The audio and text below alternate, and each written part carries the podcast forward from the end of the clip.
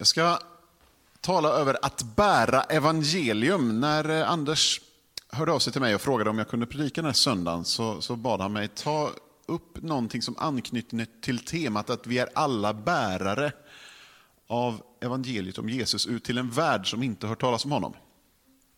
Och jag funderade och funderade lite grann kring det där och bad och, och lyssnade och, och tänkte vad, vad är det vi behöver höra för att vara bärare av evangeliet? För ni vet att dåliga nyheter färdas blixtsnabbt.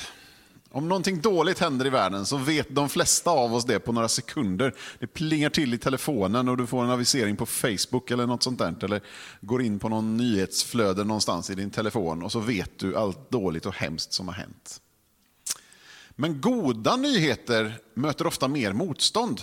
Har du tänkt på det? Det finns liksom en naturlig tendens i världen över, överlag att det som är liksom hemskt och dåligt som händer, det hör vi mycket om. Men det som är gott och fint och vackert som händer, det, får liksom, det måste man nästan leta efter för att hitta. Men vi är bärare av de mest fantastiska nyheterna i världshistorien. Och jag tror inte att vi oftast tänker på det själva. Jag tror att vi ofta vi blir liksom lite hemblinda när det gäller evangeliet. Vi blir lite lite halvt avtrubbade, i alla fall kan jag känna att jag blir det ibland. Att vi, liksom, vi förundras inte över de här goda nyheterna. Vad är det goda nyheterna i evangeliet? Om vi inte är exalterade över evangeliet så är det faktiskt någonting vi har missat. Och Jag tror att vi missar det där väldigt ofta. Är det någon som kan känna igen sig i det? Någon som vaknade i morse och var liksom Oho! Gud har frälst mig! Yes! De flesta inte. Nej, ni ser inte så ut i alla fall. Nej. Om jag gör mitt jobb rätt här, om Gud ger mig nåden att förkunna på rätt sätt, så ska ni gå härifrån och vara så där exalterade. Det är min målsättning och min bön och min förtröstan på Gud, att han gör det i verket i er. Därför att jag vill ta med er i tillbedjan inför Gud och jag vill tala om vem Gud är. För Jag tror att det som vi ofta missar när vi tänker kring de här sakerna, när vi talar kring de här sakerna, när vi går ut och lever och rör oss i världen runt omkring, det är att vi missar i mångt och mycket vem Gud är. Vi vet inte vem det är som står bakom de här glada nyheterna egentligen, eller åtminstone så tänker vi inte på det medvetet.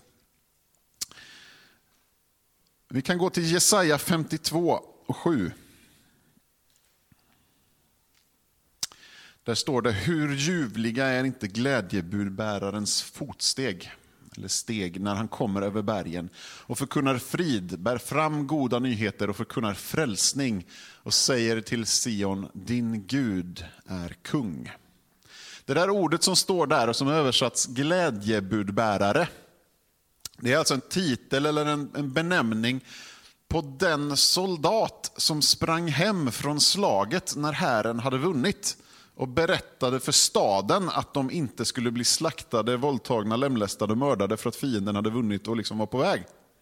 Utan han berättade att ni slipper det. Vi vann. Vi kommer få leva. För det var ju så, i krig på den tiden så var det så att den, den vinnande, segrande armén, de gick ju in och plundrade den förlorande sidan. Brände ner deras stad, tog all deras mat, tog slavar, krigsbyte, tog med sig allt guld och i princip förstörde hela, hela byn, hela staden. Så förlorade man ett slag så var liksom, då var det att fly för livet om man ville överleva.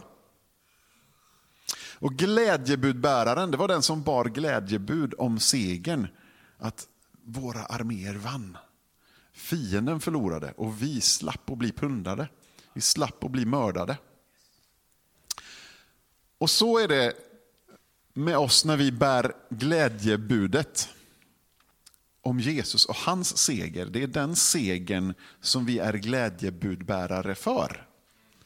Det är vi som förkunnar och bär fram goda nyheter och förkunnar frälsning och säger till Sion, till Guds folk, till de som tillhör Gud att din Gud är konung. Vi får påminna varandra och vi får påminna världen och vi får förkunna för människor som ännu inte känner till det att Gud är kung. Det är han som har vunnit segern i Kristus.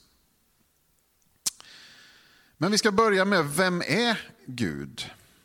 När Mose möter Gud innan han blir sänd till Egypten i Andra Mosebok 3 och 14 så möter Gud Mose i form av den brinnande busken. Mose får syn på busken och går dit.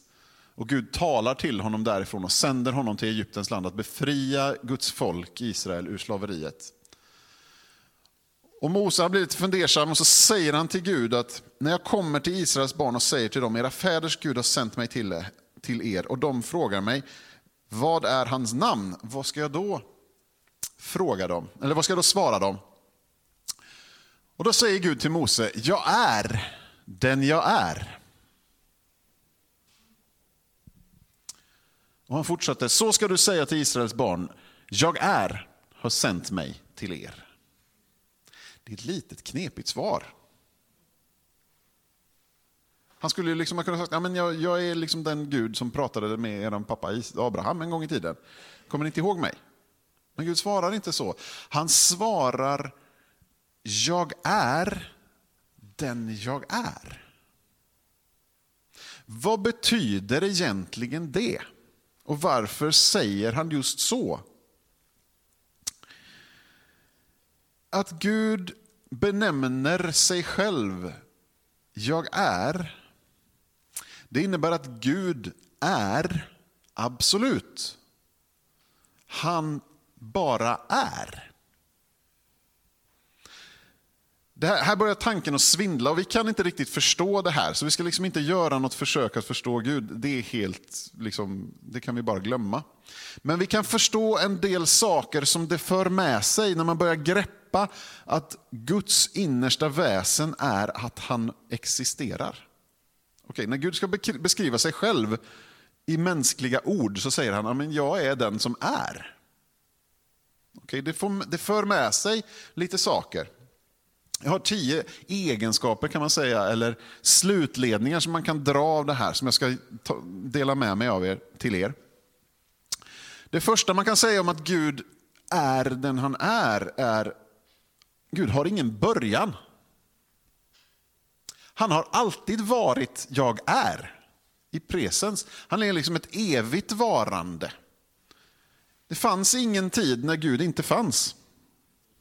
Vi kan ju inte tänka oss någonting som inte har en början. Men Gud har ingen början. Han är evig på det sättet att han har alltid funnits. Före allting så fanns Gud och före det så fanns Gud och hur långt du än håller på så fanns Gud och så fanns bara Gud. Och han bara var. Därför att Gud är. Det andra är att Gud har heller inget slut. Han är den han är och kan inte upphöra att vara. Det är inte så att Gud kommer att ta slut en gång och liksom, nej men nu har jag varit färdigt. Nej, Gud är den han är för evigt. Det tredje är att Gud är absolut verklighet. Och vad menar jag med det? Jo, Gud är det absoluta och allting annat som finns är beroende av honom. Allting annat som finns finns liksom sekundärt. Skapelsen finns för att Gud vill det.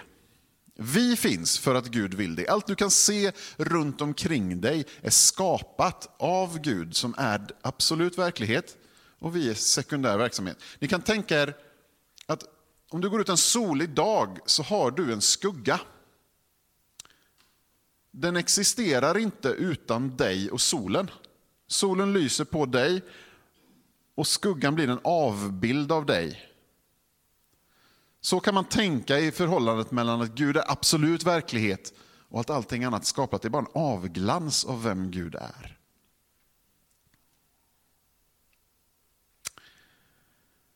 Det fjärde är att Gud är fullkomligt oberoende. Han är inte beroende av någonting för att hålla honom i existens. Han är inte beroende av att äta, eller sova eller dricka eller att någon hjälper honom med någonting. Han bara är. i sig själv. Gud är fullkomligt oberoende av allting annat. Och Det femte är att allting annat är faktiskt fullkomligt beroende av Gud. Hela skapelsen existerar och fortsätter att existera därför att Gud vill det. Och om han skulle sluta vilja skapelsens existens så skulle den sluta finnas. Nu, i ett ögonblick. Bara försvinna. Därför att Gud uppehåller sin skapelse. börjar tanken att svindla för oss. Och Det innebär också att ingenting kan jämföras med Gud.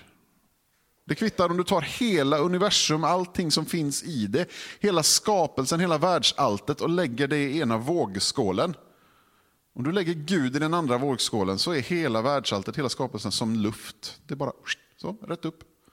Och Guds tyngd väger oändligt mycket tyngre. Ingenting kan jämföras med Gud. Det innebär också att Gud är fullkomlig. Han kan inte förbättras. Det finns liksom ingenting i Gud som han måste jobba på, självförverkliga eller bli bättre på eller liksom personlig tillväxt eller så. Han är redan perfekt i alla avseenden därför att han är den han är. Och Det innebär också att Gud sätter standarden för allting annat. Johannes skriver att Gud är kärlek. Det innebär att om man vill veta vad kärlek är så får man se till vem Gud är. Hur han uppenbarat sig i Kristus. Vi får se på Jesus och hur han levde och hur han rörde sig och hur han talade till människor. För att få ett exempel på vad kärlek är. Och så kan vi gå vidare för varje egenskap, varje karaktärsdrag. Vad är standarden? Jo, det är Gud som sätter standarden. För han är den han är. Allting annat är, är, är beroende av honom.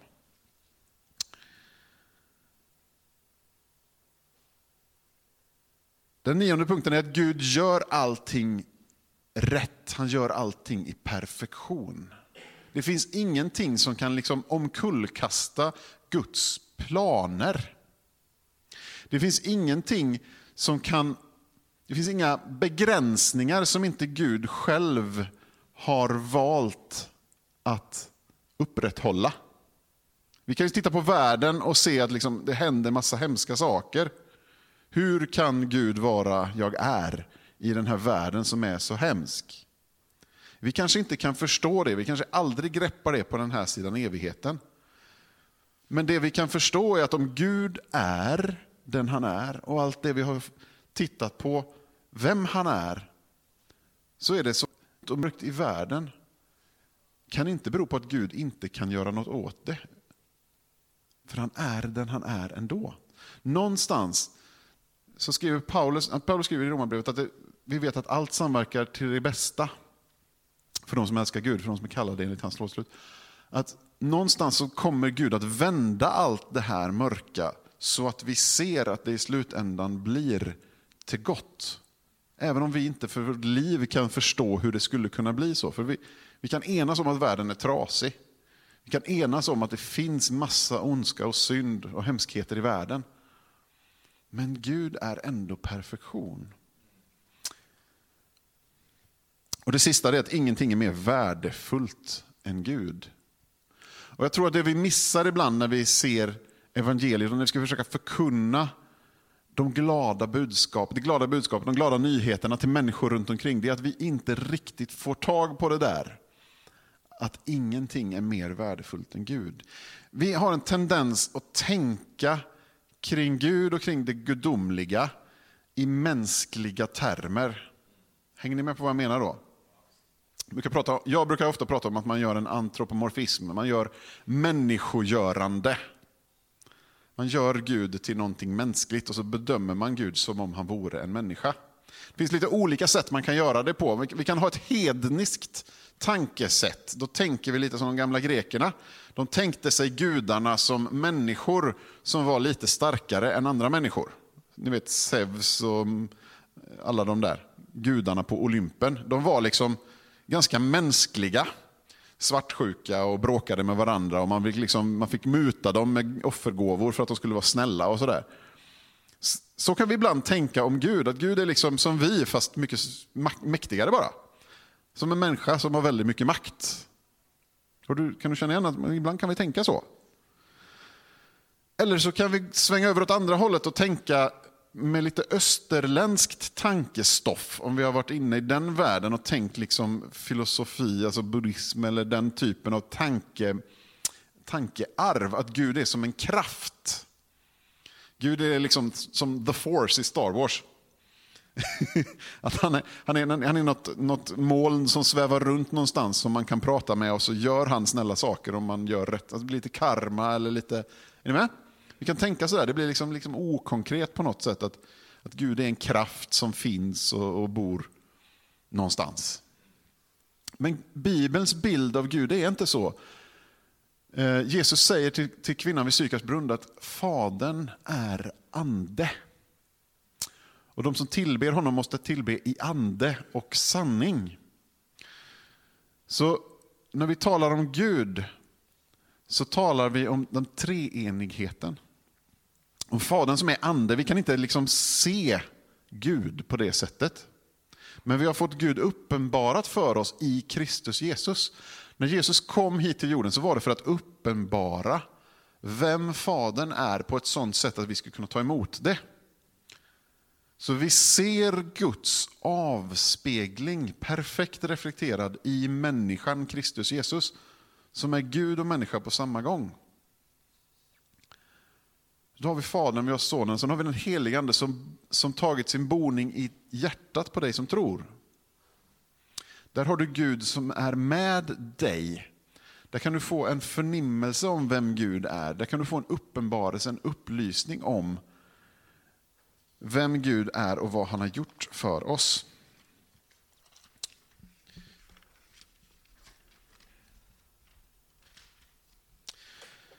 Om ni går med mig till Jesaja kapitel 6.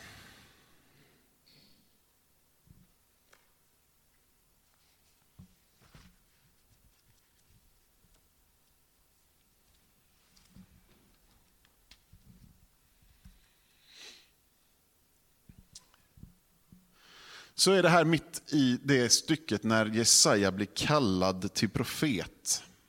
Gud kallar Jesaja till profet. Och han får se en syn. Och han fick se Herren sitta på en hög och upphöjd tron och släpet på hans mantel uppfyllde templet. Och serafer stod omkring honom, var och en av dem hade sex vingar. Med två täckte de sina ansikten, med två täckte de sina fötter och med två så flög de.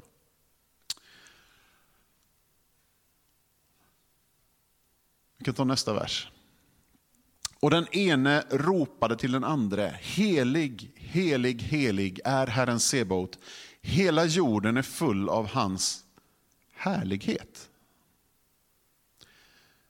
Varför säger de så? Varför säger de inte att jorden är full av hans helighet? Om de nu ropar ut att Gud är helig, varför säger seraferna att jorden är full av hans härlighet och inte hans helighet? Jag tror att det är så här att Guds helighet det beskriver hans inre värde. Hans skönhet, hans storhet, som är hans interna egenskaper. Vem Gud är i sin essens, i sitt varande. Den Gud som är jag är, är helig. Men jorden är full av Guds härlighet. Det är den upp uppenbarade aspekten av Guds helighet. När Gud uppenbara visar för oss vem han är. När Gud skapar världen så gör han det för att uppenbara sin härlighet för skapelsen eller i skapelsen. När Gud gör upp en plan för frälsningshistorien som börjar med Adam och Eva, fallet, Noa, räddningen under syndafloden. Går vidare med Abraham och Israel, Guds folk som leder fram till Kristi födelse. Hela den frälsningshistorien är till för att berätta historien om Guds härlighet.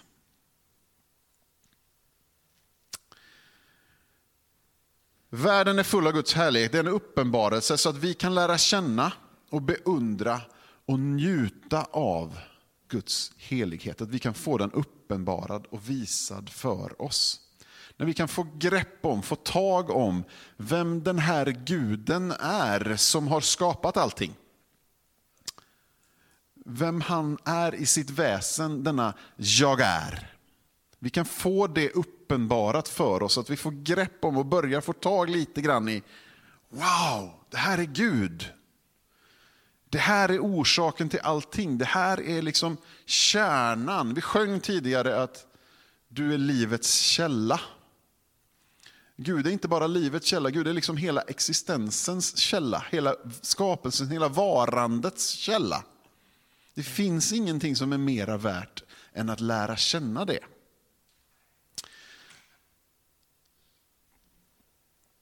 Så utifrån att Gud är och utifrån uppenbarelsen om hans härlighet som uppfyller jorden så kan vi dra slutsatsen att alltings ultimata mål och mening det är att förhärliga Gud. Om du vill ha ett enkelt svar på att ge till människor som ställer frågan vad är egentligen livets mening? Så är det svaret att förhärliga Gud. Och när vi säger det, förhärliga Gud, så innebär inte det att vi gör honom härlig. Utan att vi uppenbarar den härlighet han redan har i sig själv, i sin egen egenskap. Det kan bli lite förvirrande det där, för att Fadern säger om Jesus, när han vandrar på jorden, att jag ska förhärliga dig. Då är det Gud som gör Kristus härlig. Gud ger av sin härlighet till sonen så att han ska kunna visa den för oss. När vi förhärligar Gud så är det precis tvärtom. Att Gud har härlighet och vi gör vad vi kan för att det ska bli tydligt och uppenbart. Är ni med på skillnaden? Så att vi inte tänker att vi ska göra Gud mer härlig än vad han redan är när vi förhärligar honom. Utan vi ska uppenbara mer av vem Gud är för varandra, för människor runt omkring och för hela skapelsen. Det leder oss vidare till evangeliet. Vad är evangeliet egentligen? Vad är det, vad är de goda nyheterna? Då går vi till Romarbrevet 8. Det är ett lite längre stycke, men vi ska ta och läsa det för det är ganska viktigt. Romarbrevet 8, 28 och framåt. Vi vet att allting samverkar till det bästa för de som älskar Gud, som är kallade efter hans beslut. De som han i förväg har känt som sina har han också förutbestämt till att formas efter hans sons bild så att sonen blir den förstfödde bland många bröder. Och de som han har förutbestämt har han också kallat, de som han har kallat har han också förklarat rättfärdiga, och de han har förklarat rättfärdiga har han också förhärligat. Vad ska vi nu säga om detta? Om Gud är för oss, vem kan då vara emot oss? Han som inte skonade sin egen son, han utlämnade honom för oss alla. Hur skulle han kunna annat än att också skänka oss allt? med honom. Vem kan anklaga Guds utvalda? Gud är den som frikänner. Vem är det som fördömer? Kristus Jesus är den som har dött, ja än mer den som har blivit uppväckt och som sitter på Guds högra sida och vädjar för oss. Vem kan skilja oss ifrån Kristi kärlek? Nöd eller ångest, förföljelse eller svält, nakenhet, fara eller svärd? Det står ju skrivet, för din skull dödas vi dagen lång, vi räknas som slaktfår. Men i allt detta vinner vi en överväldigande seger genom honom som har älskat oss. För jag är viss om att varken död eller liv, varken änglar eller furstar, varken något som nu är eller något som ska komma, varken makter, höjd eller djup eller något annat skapat ska skilja oss från Guds kärlek i Kristus Jesus vår Herre.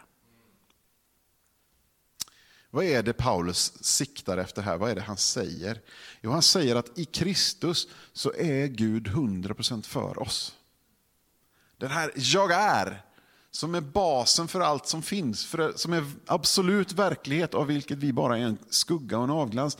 Han är 100% för dig i Kristus. Det är de glada nyheterna. Det är evangeliet. Halleluja kan jag nästan säga. Ja, men han säger, ni med?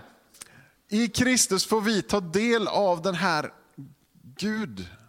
Denna Gud som har skapat allting. Han är för dig. Ingenting kan skilja dig från hans kärlek i Kristus Jesus. När du har klivit in i Kristus och tackat ja till frälsningen och låtit Jesus bli Herre i ditt hjärta, då är du ställd i en position där Gud är 100% för dig.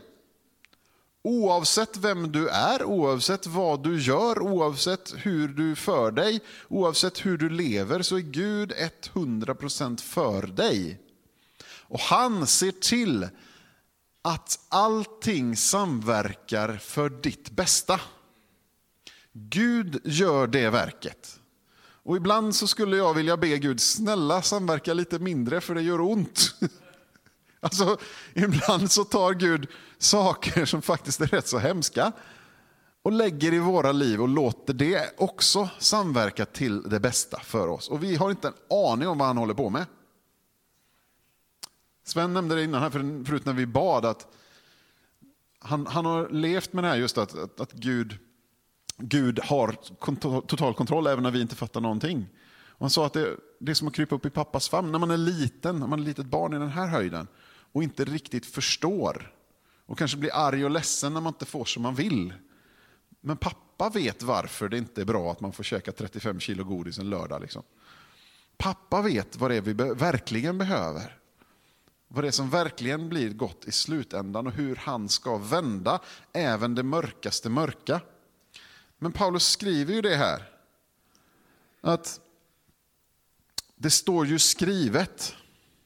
För din skull leder, lider vi dödens kval dagen lång och vi räknas till slaktfåren. Det är ingen liksom dans på rosor i det bemärkelsen att allting är, är rosa skimrande och vackert hela tiden. Utan det är ett ganska, det, det är ett ganska tungt och tufft liv ibland. Men Gud är 100% för oss i Kristus. Det är evangeliet. Och Då måste man också kontrastera det, man måste sätta det emot att utanför Kristus, lyssna nu, så tillåter Gud oss att vara 100% mot honom. Utanför Kristus tillåter Gud oss möjligheten att vi kan vara 100% mot honom. Han ger oss rätten att revoltera och ta motståndarsidans position och inte tillhöra Gud. Det finns ett mått av att inte vara i Kristus, att inte tillhöra Gud. Och det är en möjlighet och en valmöjlighet vi har fått. Och där vi faktiskt befinner oss av ska säga, födsel och ohejdad vana. Alltså vi behöver inte lära oss uppror mot Gud. Det finns i oss. Det är det Bibeln kallar för arvsynden. Det är liksom inte att vi gör någonting specifikt, utan att vi är positionellt 100% emot Gud innan vi blir frälsta.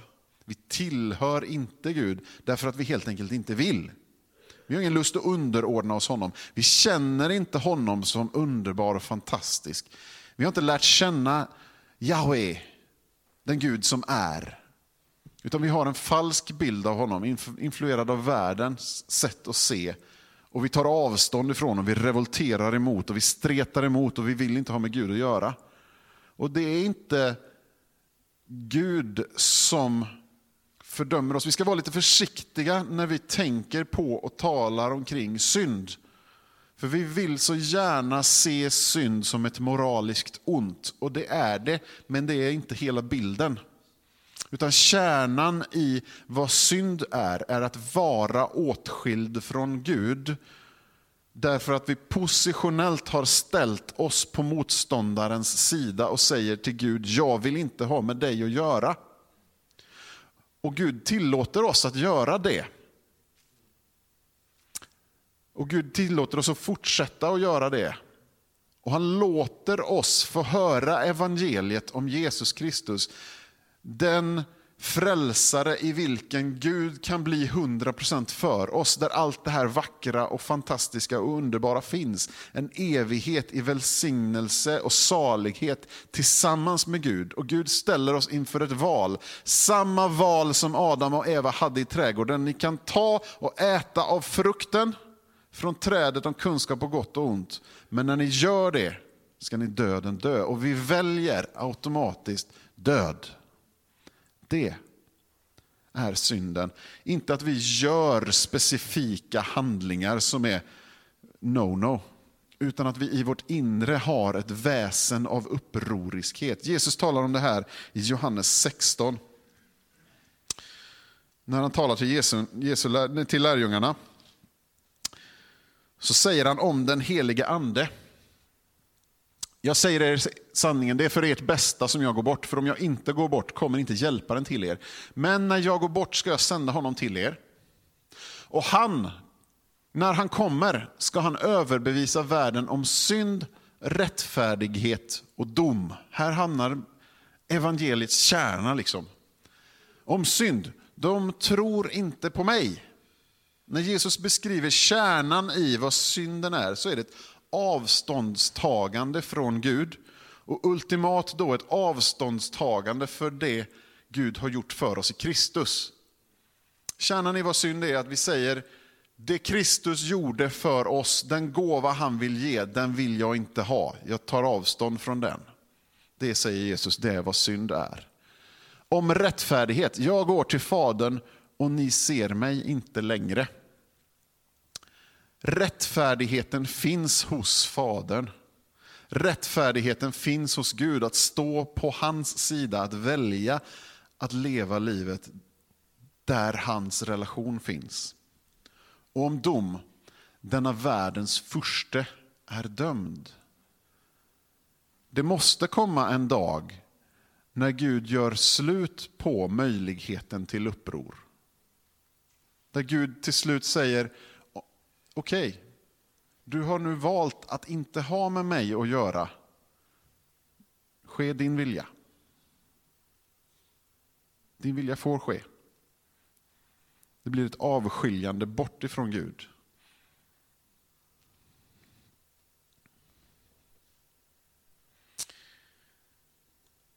Så de glada nyheterna i evangeliet, det är vem Gud är.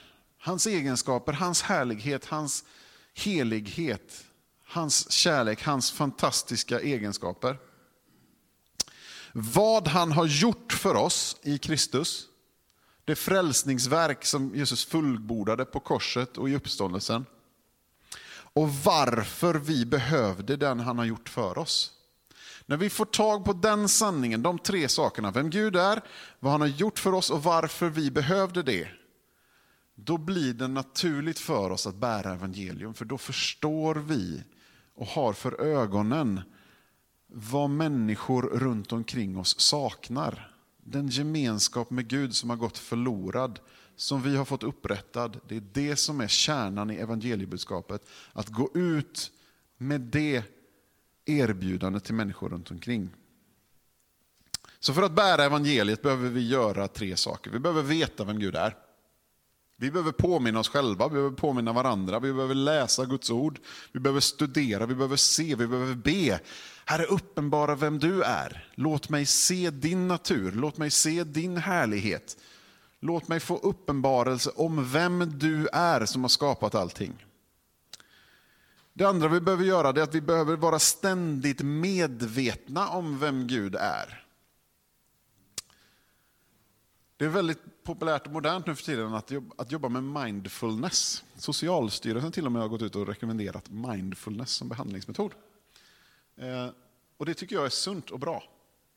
Om man gör det på rätt sätt. Därför att du kan vara mindful med Gud. Mindfulness handlar om att vara närvarande i nuet. Och om du är närvarande i nuet tillsammans med Gud så blir du förvandlad. Om du sätter dig när du kommer hem och bara är stilla och bjuder in Gud och hans närvaro i den situationen så kommer han att förvandla dig. Om du fyller ditt sinne med vem Gud är och mediterar över hans egenskaper, hans person, hans härlighet, hans helighet, hans storhet, hans kärlek och nåd och omsorg så kommer det att förvandla dig. Och Det tredje vi behöver göra är att vi behöver känna världens behov av Gud. Vi behöver förstå att världen omkring oss inte förstår att Gud är absolut verklighet. Och att vi behöver uppenbara det. Att ja, men, världen är inte bara det vi kan se. Det finns en Gud bakom. Och det finns inget som är mer värt än att lära känna honom som Gud och tillbe honom som Gud. Och förhärliga honom som Gud är. Så om vi vet vem Gud är så kommer vi att bära evangeliet naturligt vart vi än går. Amen. Herre, jag tackar dig för, för ditt ord. Jag ber att du skulle låta det här få landa i oss, Herre. Att, att vi får öppnade ögon och får vara mer fyllda av dig. Tack för din uppenbarelse, tack för din nåd i Kristus, Herre. Tack för frälsningen och det vi får ta emot av dig, Herre. I Jesu namn prisar och tackar dig, Herre. Amen.